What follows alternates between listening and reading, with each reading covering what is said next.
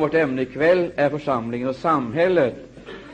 Att det är nödvändigt att ta upp den frågan, det förstår vi, därför att det råder en oerhörd okunnighet om vad egentligen staten är och vad församlingen är. Då staten är Guds tjänare och då den icke är det. Det handlar om det här dubbelkommandot som vi på ett eller annat sätt får kännas vid i de här två i de här två riktningarna.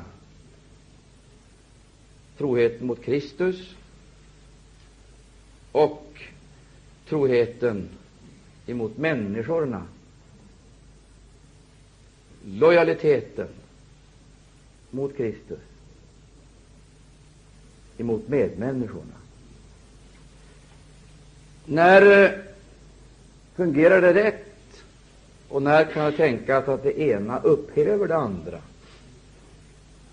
Eller när finns det risk för att det ena kommer i kollision med det andra?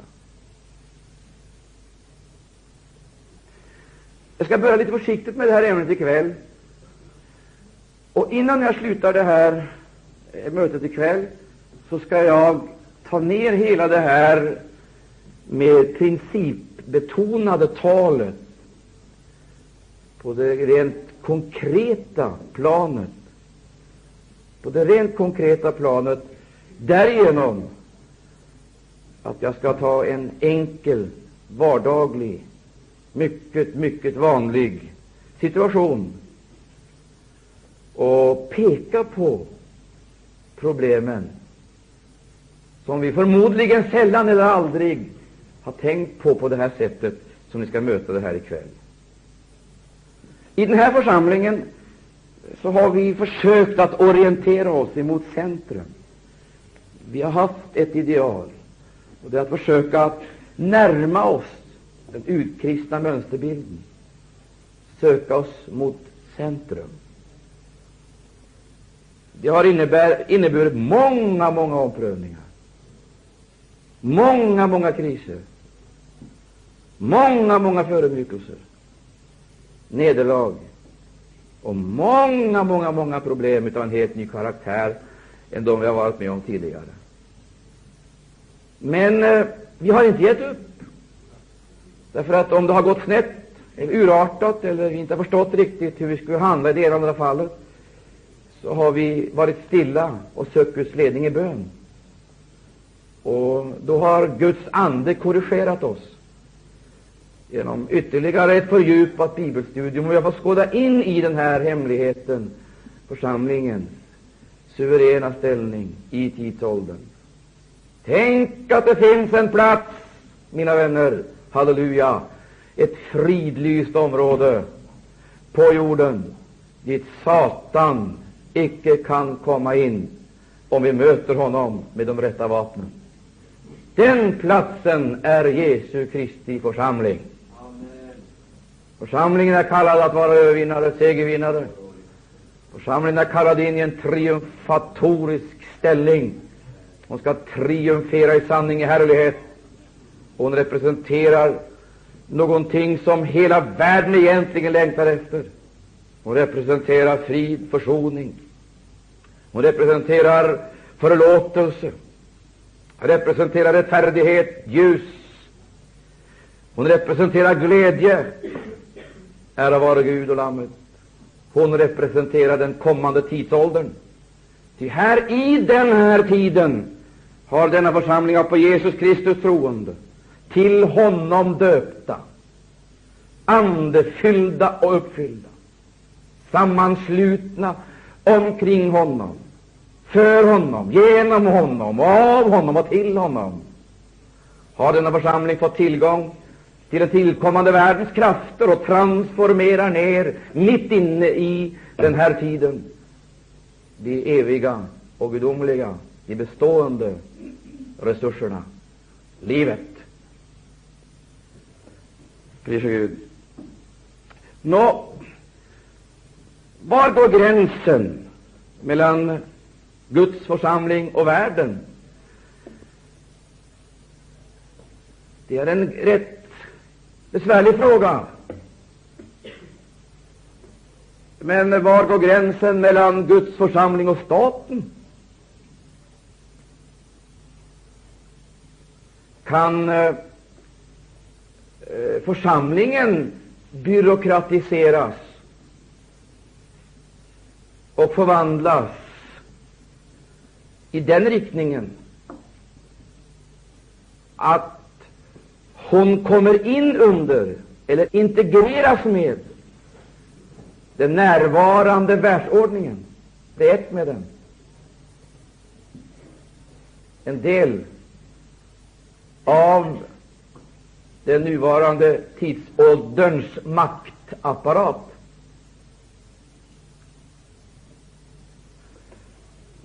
Kan församlingen förvärldsligas? Kan den det? Så svarar jag.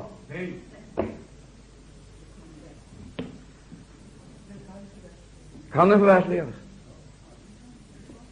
Ja. Helt uppenbart att församling kan förvärldsligas. Sekulariseras, det blir allt mer lika värde. Men frågan är den, vad sker då med församlingen? Jag frågar, kan staten kristnas? Kyrkan kan förstatligas.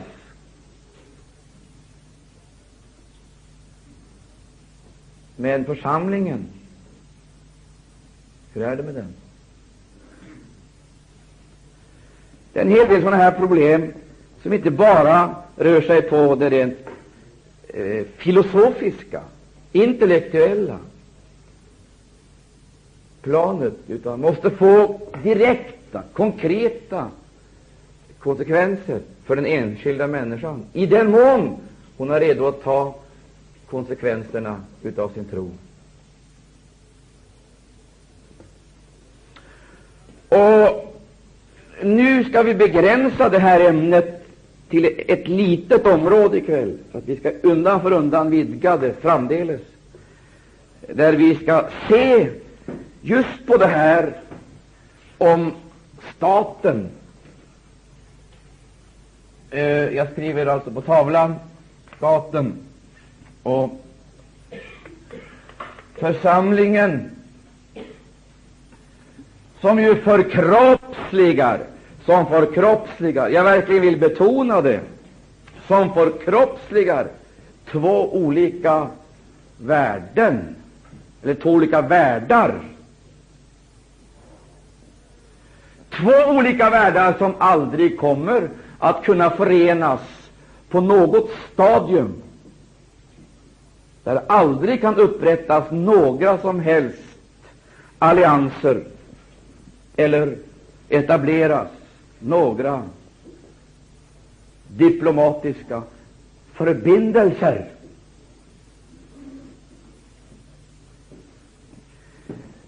Staten, ett faktum är att vi möter i skriften staten under det här i den här symbolen, det vilddjuret. Vi, vi, vet att staten utvecklas i den ena eller den andra riktningen. Det är helt uppenbart. Och vi möter det i Danielsboken. Där ser vi de olika vilddjursrikena fram emot det sista, det största, avskyvärda vilddjursrike, där man kan tala om den totala demonin, där man möter kombinationen utav alla de makter, alla de makter, alla de makter, kulturellt, socialt, politiskt, religiöst, ekonomiskt, där man möter kombinationen av alla de makter som överhuvudtaget existerar i världen. De har förenat sig i det vi skulle kunna kalla ett vilddjursrike,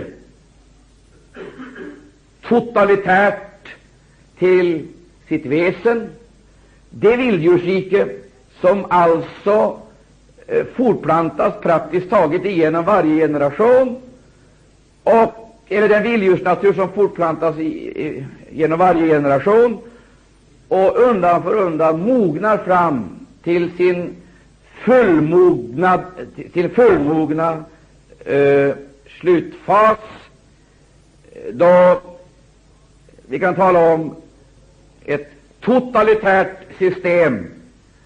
Totalitärt system. Står det inte, står det inte i Uppenbarelseboken, staten vilddjuret, och så har vi då den här märkliga kombinationen människans tal, och människans tal det är sex, sex, sex. Det här är den sista fasen i mänsklighetens uppror, lett utav Guds ärkefiende Satan.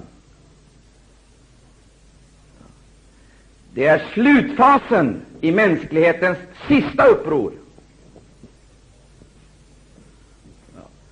Och då kan vi säga att det, tre, det handlar om tre gånger sex. Sex, sex, sex. Där möter vi, där möter vi människan, massmänniskan, övermänniskan, alltså som då har detroniserat Gud och placerat sig själv på hans tron, det vill säga vi möter det i den fulländade människoförgudningen, som egentligen är en form av satanism, alltså Satans tillbedjan, människoförgudning, eh, självförgudning och så vidare. Där har vi den eh, eh, förvandlade, slutförvandlade människan. Och denna människa representerar på ett kolossalt, på ett kusligt sätt två dimensioner. En eh, avgrundsdimension. Så att eh,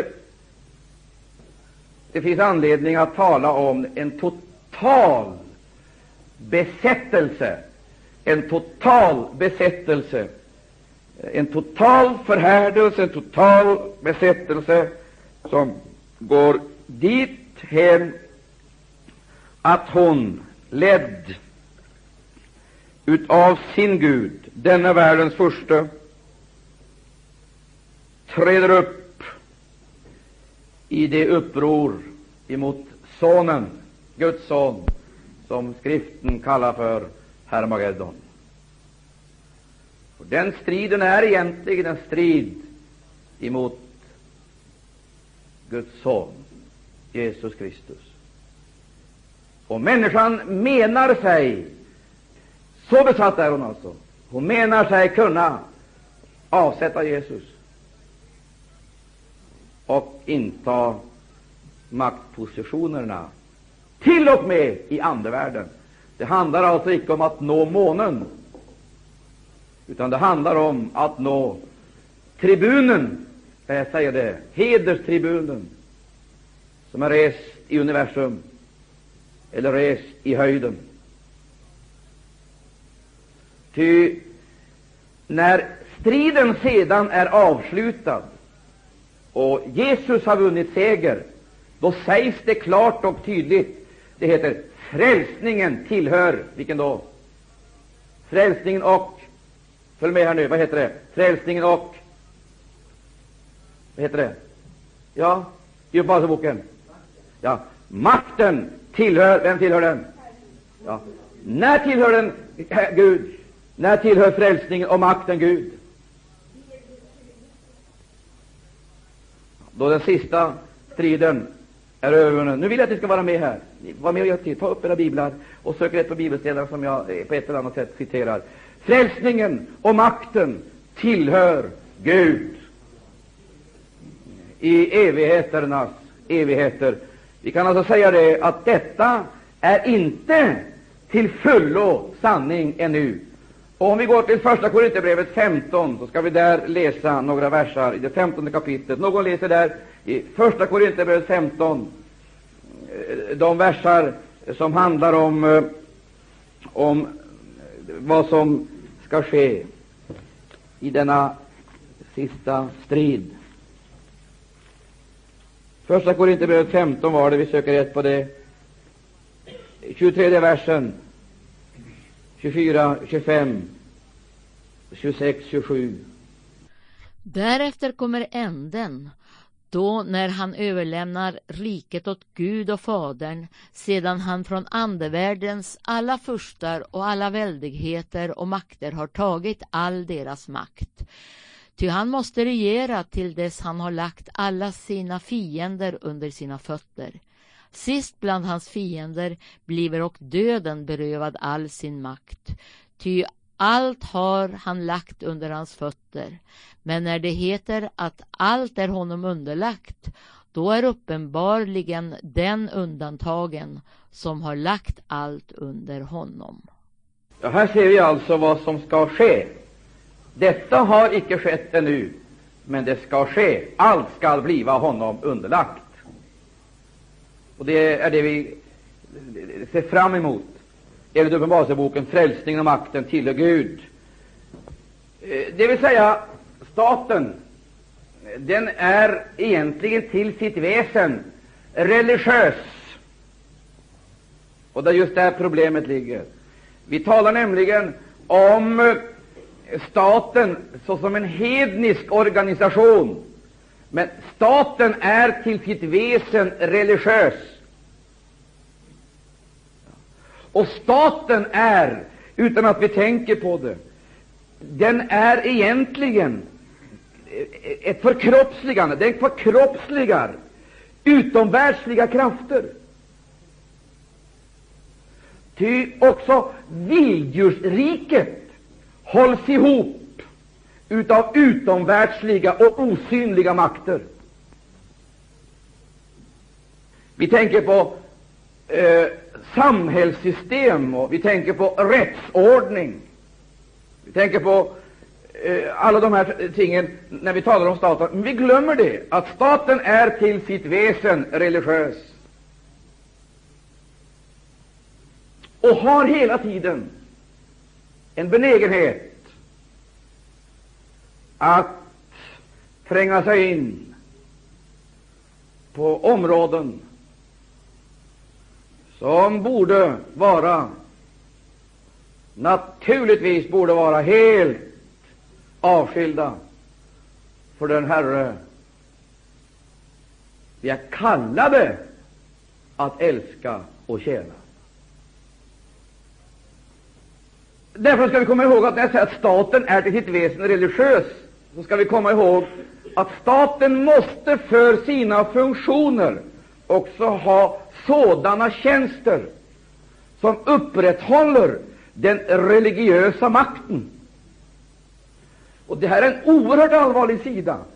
Det vill säga, och då måste den ha tillgång till sådana medel och resurser som ligger nära eller icke är någonting annat, kanske till och med, än det som måste betraktas som regelrätt kult, tillbedjan, eller eh, har med eh, religiös funktion att göra. Vi ska se Uppenbarelseboken. Vi ska se några bibelverser där som talar om det här på ett alldeles speciellt sätt. I Uppenbarelseboken 18, där ser vi, alltså jag talade om människans tal här, men i Uppenbarelseboken boken 18, där ser vi det system som denna religiösa människa har utvecklat, som hon har utvecklat, och fulländat, för det är fulländat till, jag höll på att säga, nästan till fullkomning. Det systemet det kallas med ett namn för Babylon. Och i det systemet finns det icke längre några möjligheter att liksom dra upp gränser emellan makterna. Därför att allt flyter samman. Allt flyter samman i det vi skulle kunna kalla en homogen enhet. En, nä, nästan en organisk enhet, utan att det finns möjligheter att skilja det ena från det andra. Man, man kan inte säga så här att man kan inte säga längre att det här är typiskt politiskt och det här är typiskt religiöst, därför att eh, religionen är politiserad och politiken är religiös. Och därför ska vi också lägga märke till att i den här staten, eller i det här samhället, eller i den här organisationen, eller i det här systemet, där möter vi makthavare utav en mycket raffinerad art. Utomordentligt skickade,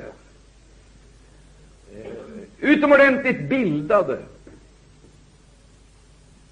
Och utomordentligt humanistiska och otroligt religiösa. Man kan inte heller säga att han är ateist och den är religiös. Därför att eh, ateismen har blivit religiös och religionen har blivit ateistisk. Gud är i allt och dock utanför allt. Vi ska titta på det här, det är Uppenbarelseboken, Eh, i Uppenbarelseboken, i eh, det artonde kapitlet. Där heter det i eh, den nionde versen alltså, och, och, och, då får vi se hur den här, det här systemets maktapparat är uppbyggd i olika eh, typer av eh, makthavare. Alltså, vi ser, detta, vi, vi ser det här alltså förkroppsligas hos olika makthavare. Eh, men det kallas med ett gemensamt namn här. Med ett gemensamt namn i Uppenbarelseboken 18. Där heter det nionde versen. Läs den nionde versen. Och jordens konungar som hava bedrivit otukt och lever i vällust med henne skola gråta och jämra sig över henne när de ser röken av hennes brand. Ja, jordens konungar jordens konungar. Ja, vad är det för konungar det handlar om?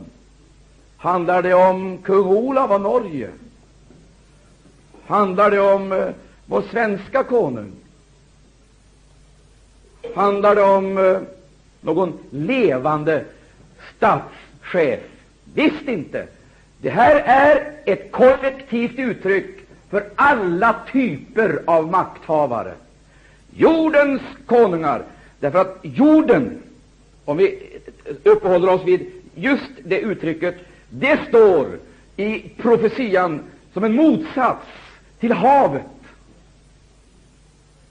Så medan havet representerar folkhavet, det brusande folkhavet som påverkas så att säga utav heder och vind, som kan eh, storma och som kan vara stilla. Vi vet hur det är. Folkhavet, det påverkas lätt. Bibeln talar om olika typer av eh, rörelser, rörelser i folkhavet. Och skriften talar om ett vilddjur som träder upp ur ett oroligt hav. Men Uppenbarelseboken talar också om ett vilddjur som träder upp ur jorden. Och där har vi de två sidorna utav staten, två maktinstrumenten. I eh, Uppenbarelsebokens eh, tolfte kapitel, eller trettonde kapitel, där heter det i den första versen, där heter det så här Då såg jag ett vilddjur stiga upp ur havet, Och lägg märke till, det hade tio horn och sju huvuden, och på, den, och på sina horn hade tio kronor, och på sina huvuden hediska namn.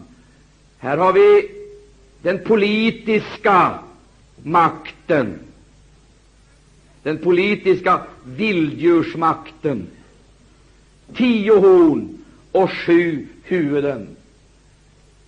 Det totalitära system som omfattar då hela jorden.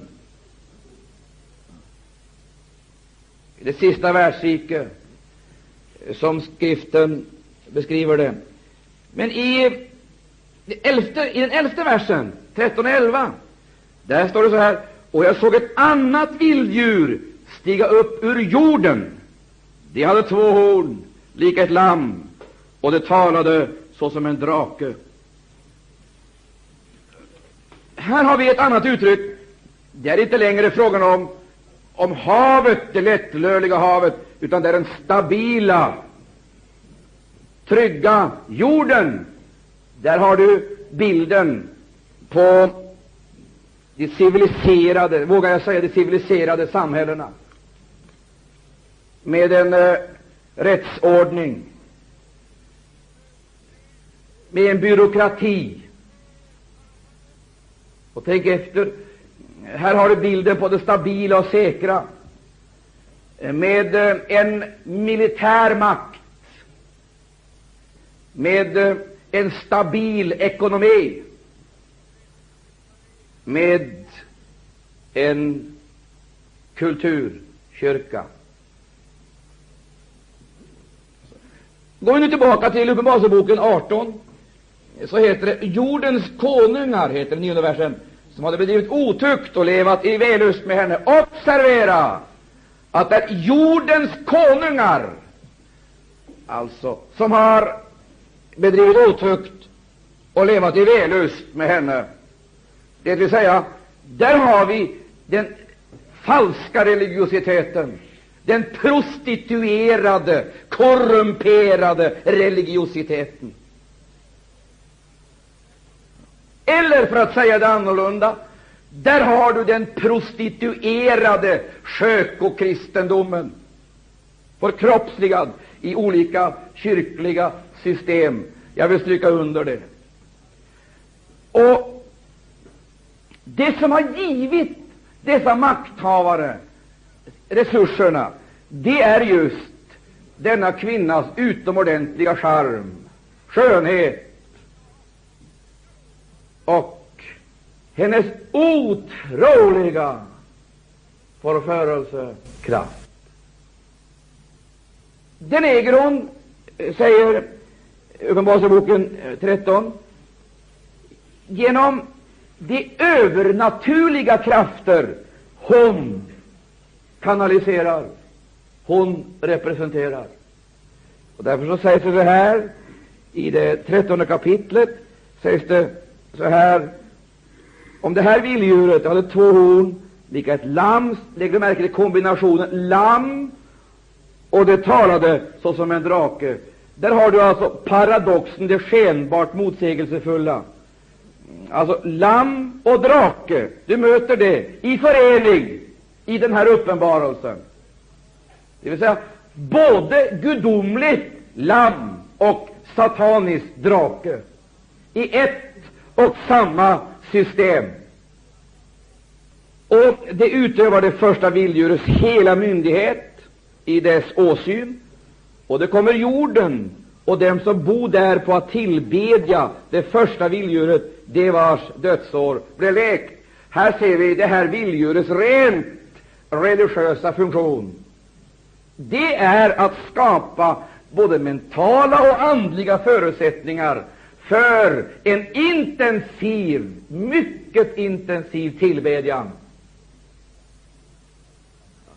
Och det kommer att bli bönemöten då församlingen är borta, som är så suggestiva i sin karaktär, så att det kommer att bli svårt för många som liksom bedömer andliga företeelser utifrån stämningsmoment och dylikt att göra skillnad på denna tillbedjan och den levande församlingens Kristus tillbedjan.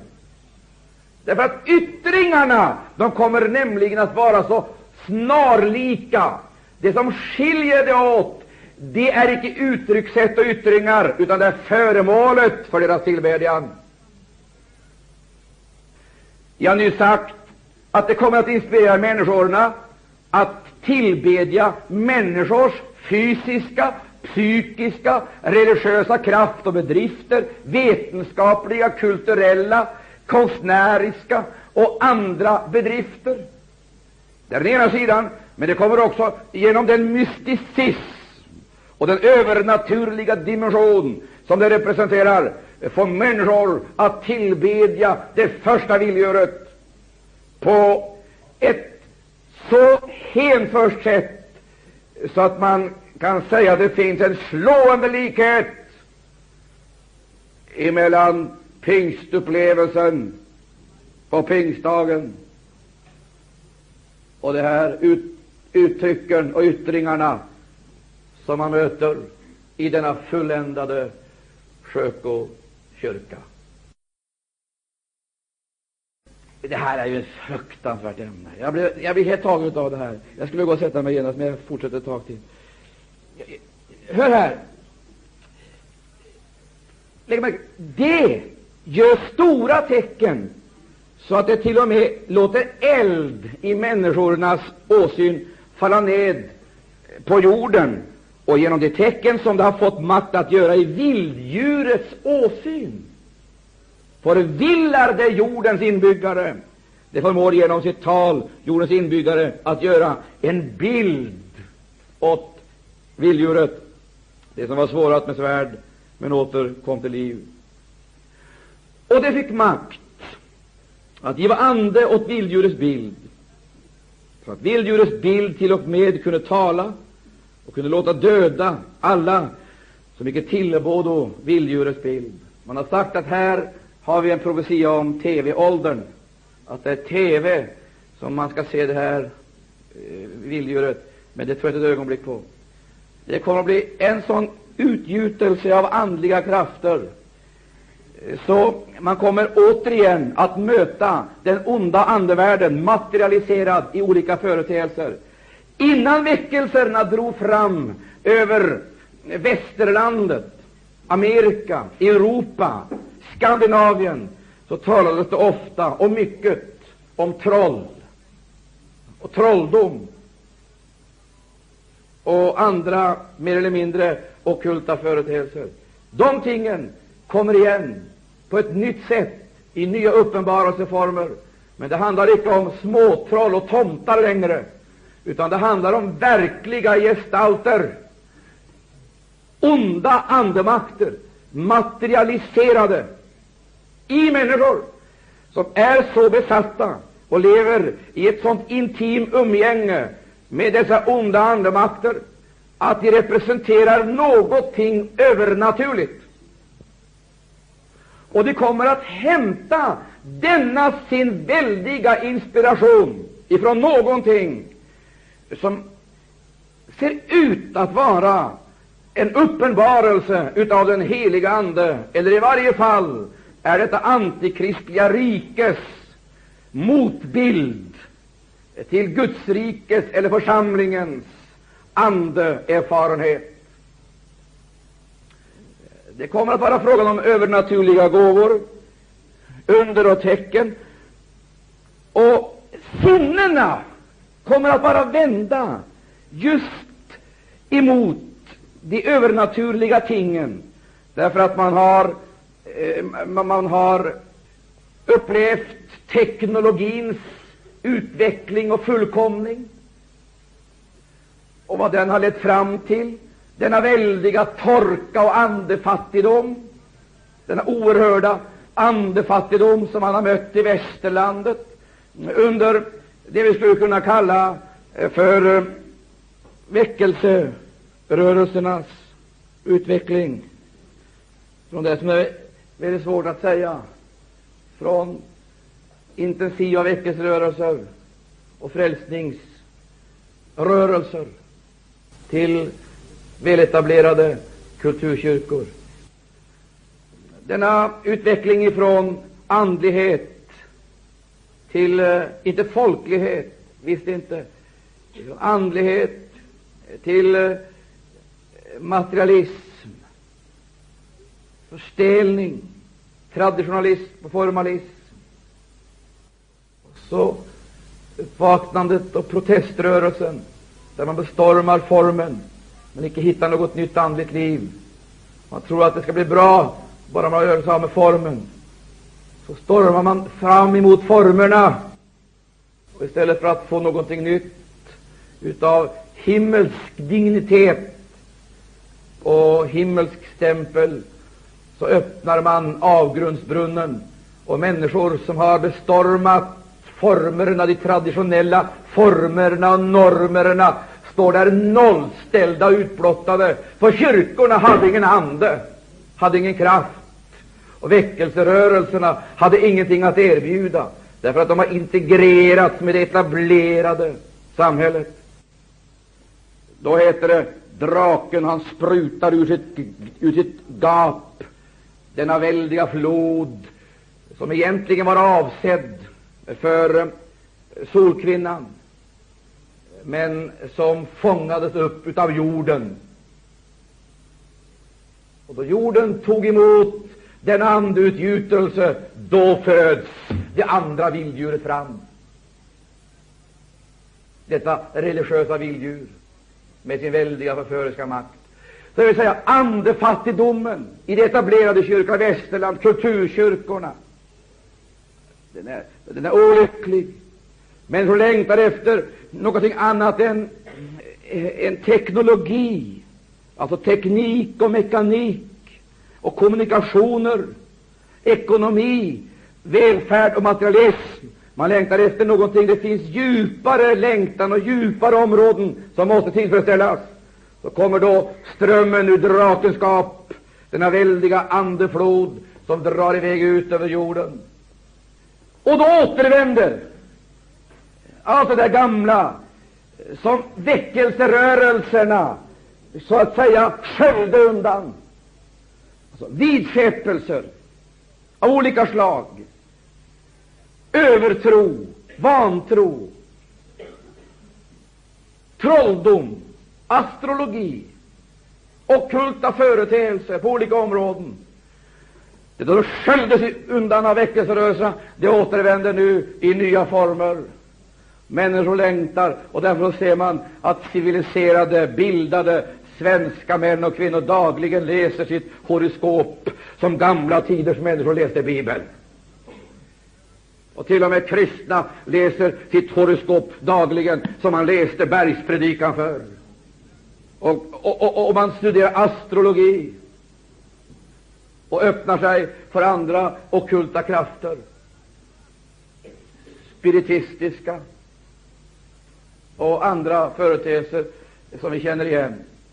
Detta tillsammans, alltså dels det väldiga behov efter övernaturliga upplevelser, denna väldiga längtan, detta oerhörda skrik och rop ifrån släktet efter någonting gudomligt, bristen på Andens uppenbarelse. Ibland fem eller tio jungfrur som har somnat i midnattstiden. Med fem utan överflödsliv. Bristen hos den kristenhet som har slocknat in i denna ljuva sömn. Skapar förutsättningar för en annan andrörelse. Och under det här skeendet så inträffar det en händelse som är fullständigt unik i hela frälsningshistorien och hela mänsklighetens historia. Fullständigt unik. Det vill säga, den evakueringsplan som Gud har i ordning ställt för sin församling, den, halleluja, blir genomförd i ett enda ögonblick. Då kommer Förutom denna djupa längtan som redan finns efter andliga eh, företeelser, denna märkliga händelse kommer att förstärka denna längtan med förundran, förvåning. Och man kommer att fråga i öst och väst, nord och syd, vad har skett? Vad har skett? Vad är det som har skett? Människor saknas överallt. Alla BBn blir, bar, blir av med alla babys. De är borta. Det finns inte en enda kvar i sängen. Alla är borta. En mor har lämnat sina barn som har nått mogen ålder.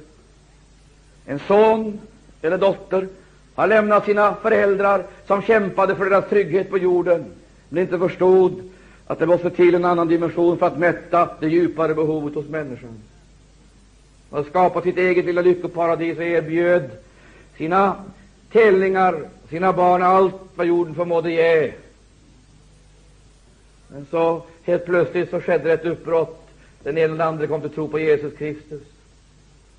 Så kom det ett nytt tal in i hemmet, ett nytt tal, ett nytt språk. Den ena pojken eller flickan började tala om Jesus. Det blev konflikt på hemmaplan. Mor blev bestört, far blev bestört. Det kom in någonting nytt. Det slog sönder hela deras fram, alla deras framtidsplaner. Barnen sa nej, nej till deras drömmar, nej till deras planer och började följa lammet. Lammet och upplevde samma förakt som eh, lammet själv. Stöttes ut, kastades bort och så vidare. Men så helt plötsligt så är de borta. Är de borta. Halleluja, ära vare Gud och Lammet. De har följt Jesus. På kyrkogårdarna har det skett någonting märkligt. De som dött i tro på Jesus Kristus, de har varit med om vandlingsundret. Halleluja, de har återfått kropparna med en förhärligade form. De har flyttat in i de boningar som är gjorda av Gud och icke av människohänder.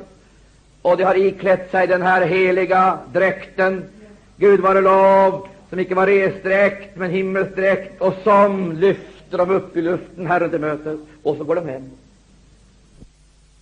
Alltsammans det här.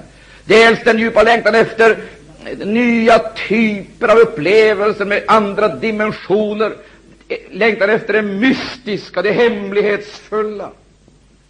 Och så förstärkningen då i det faktum att någon här och någon där har försvunnit. Oro, förundran, panik,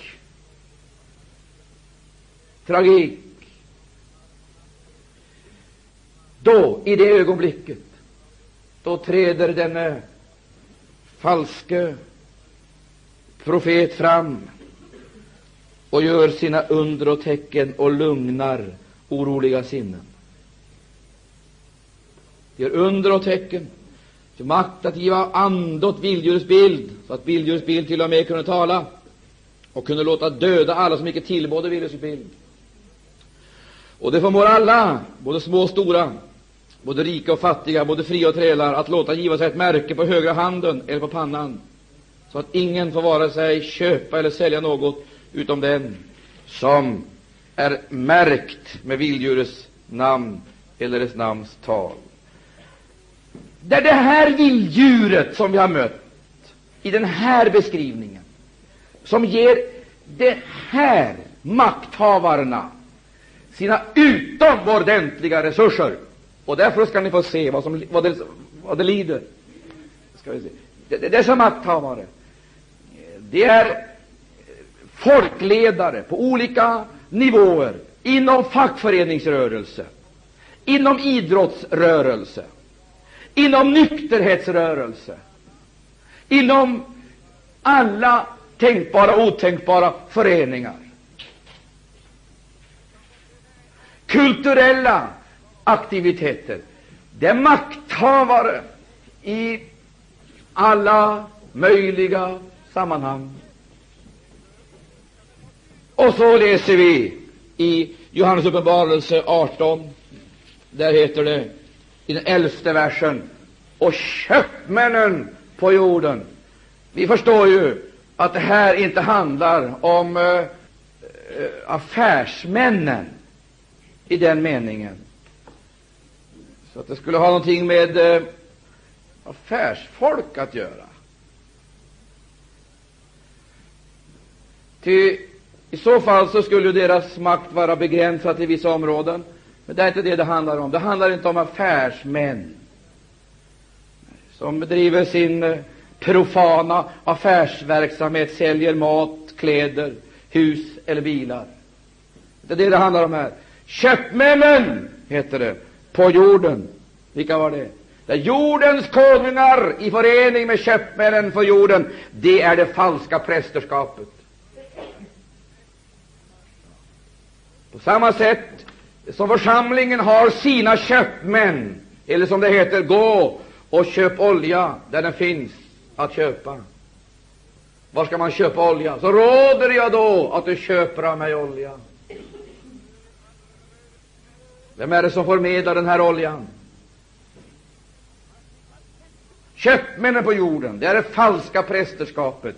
Och vi ska få se så småningom hur, hur alla rörelser, på alla plan, alla nivåer, idrottsrörelser, eh, fackföreningsrörelser, kommer att bli allt mer religiös och allt mer öppen för de okulta och religiösa krafterna. Och jag har sagt det tidigare, och jag vågar upprepa det, det dröjer inte länge eh, förrän det kommer att vara helbrägdagörelsemöten i fackföreningsmötena. Det dröjer inte länge förrän vi kommer att möta tungomålstal i nykterhetsrörelsen. Det dröjer inte länge förrän du ska möta en extas, en helt ny typ av extas i idrottsrörelsen, på idrottsarenorna. Deras kultkyrkor, idrottsarenorna, där man har upphöjt människor, tillbedjat människor. Det dröjer inte länge förrän de ska få hela sitt inre behov mättat utav en osynlig andemakt som ska ta dem så fullständigt i besittning att de under extas kommer att uttala de mest förunderliga ting. Hänförda och berusade utav en ande som icke neutraliseras genom vårt intellekt eller våra uppfattningar, utan de tar oss helt i besittning vara med om eh, politiska möten av en helt annan karaktär. De kommer att bli allt mer lika gamla väckelsemöten. Vi är på väg dit, gruppdynamiken. Jag har eh, beskrivningar på sådana här möten eh, som eh, egentligen är ohyggliga. Och så öppnas, ens inre värld öppnas för sensualismen och spiritualismen. Och alltsammans detta kommer i förening, förvandlar människan till likhet med den Gud hon tillbeder. Hon börjar tala ett allt mer religiöst språk och börjar sjunga helt nya sånger. En helt ny kärleksdimension. Man börjar älska på ett nytt sätt. Man älskar liksom, det, det, det har övergått ifrån det rent fysiska eh, eh, momentet. Det tonas bort och in kommer det spiritualistiska momentet. Så i alla njutningar finns det en spiritualistisk kraft och ett utomvärldsligt njutningsmoment. Man kommer att sjunga, man kommer att älska, man kommer att njuta tills man ruttnar.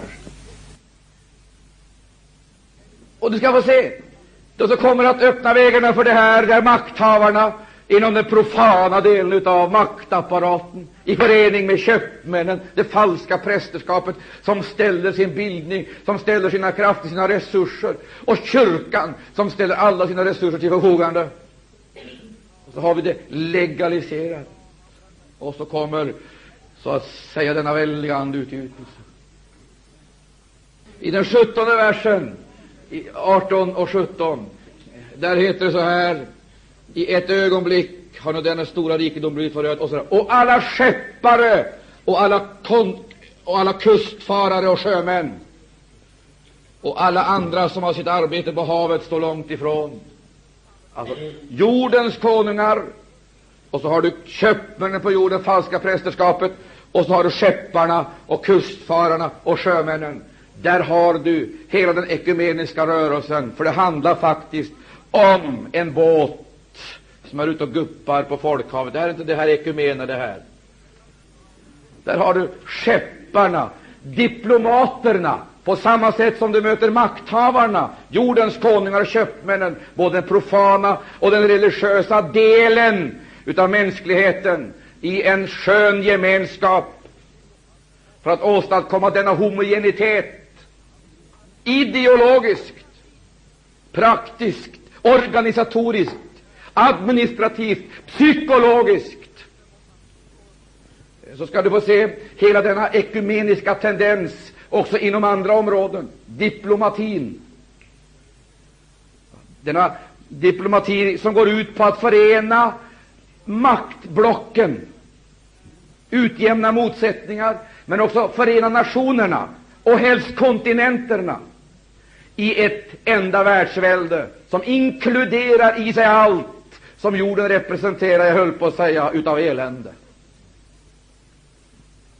Vi skulle kunna nämna namnen på sådana sjöfarare. Kissinger, ett exempel, som drar ut över världshaven för att förena de eh, stridande blocken och skapa enhet, samförstånd genom en ny förkunnelse om tolerans och humanitet och fred. Och vi möter ett sargat, sönderslaget folk, sönderslaget folk som säljer sin frihet för att få fred. Man kohandlar för att få fred. Öst och väst, nord och syd, kommunism, socialism, kapitalism. Det kommer icke att bli någon renodlad socialism. Lika lite så kommer det att bli någon renodlad kapitalism. Det kommer icke att bli någon renodlad protestantism, renodlad eh, katolicism, renodlad eh, muhammedanism, buddhism, hinduism. Visst inte. När de här skeppsfararna har utövat sin mission, så kommer vi att ha ett maktblock som består av allt sammans. Alltihop, allt sammans, allt sammans finns representerat. Det finns kristen och katolsk, protestantisk, det finns eh, andra religiösa element, andra religioner. Och där finns alla inspirationer och visioner och intentioner och ambitioner. Alltsammans i skön samordning och i skönt samarbete för att bygga detta jättelika torn, att nå himmelen, höjderna, att bygga sig ur Jämmerdalens svårigheter, att bygga sig ut ur nöden, bygga sig ut ur konflikterna, att bygga sig ut ur besvärligheten, att bygga sig ut ur ångesten. Alla goda krafter, alla religioner, alla ambitioner, där kommer att möta en stor skara av andedöpta avfällingar som kommer att ge en speciell kraft åt hela det här bygget genom sin hänförande entusiasm. Där kommer du att möta pingstfolk och missionsfolk, Maranatafolk, i skön och harmonisk förening med katoliker, med muhammedaner, med buddister. Och alla säger, åh vad underbart att vi kan enas och förenas, att vi kan vara tillsammans, att vi kan känna på varandra och, och krama varandra och pussa varandra och, och, och så vidare. Därför att de mentala förutsättningarna har skapats, skrankorna har brutits ner, gränserna har växt igen, råmärkena utflyttade och mycket nerrivna. Allt ryms inom samma område och man är förenad i en kyrka. Den tiden gäller inte frågan frikyrka eller statskyrka. Då handlar det om kyrkostat. Dit går vi med väldig fart. Alla skrankor ska brytas ner. ekumene värld. Skeppare på haven, kustfararna som far ifrån den ena delen av världen till den andra. Upprättar fredsavtal, löser konflikter, försöker få stridiga viljor tämda, försöker så att säga tämja krigets krafter. Och så småningom så kommer det att se ut som om allt står färdigt och fulländat. Men då är irritationsmomentet för slutfasen i detta byggnadsverk borta. Det är den levande församlingen. Då är den borta. Och då kommer det att gå lugnare och bättre. När Maranata är borta, då går det lättare. Det är inget sand i maskineriet, inga irritationsmoment. Och när jag talar om Maranata, då tänker jag inte på det Maranata-folk som älskar just att samlas under den fanan. Jag tänker på alla dem som älskar hans tillkommelse. Det är Maranata. Och de kan ännu räknas i miljoner. Prisat vare Herrens underbara namn. De ska snart bort ifrån allt sammans. Ty medan hela kristenheten har byggt in sig i kulturen har de samtidigt byggt ut den levande församlingen. Den har byggts ut och det finns inget rum för den längre. Men då säger Jesus, kom hem, här finns det rum. Halleluja, kom hem. Och så flyttar vi hem i ett enda ögonblick.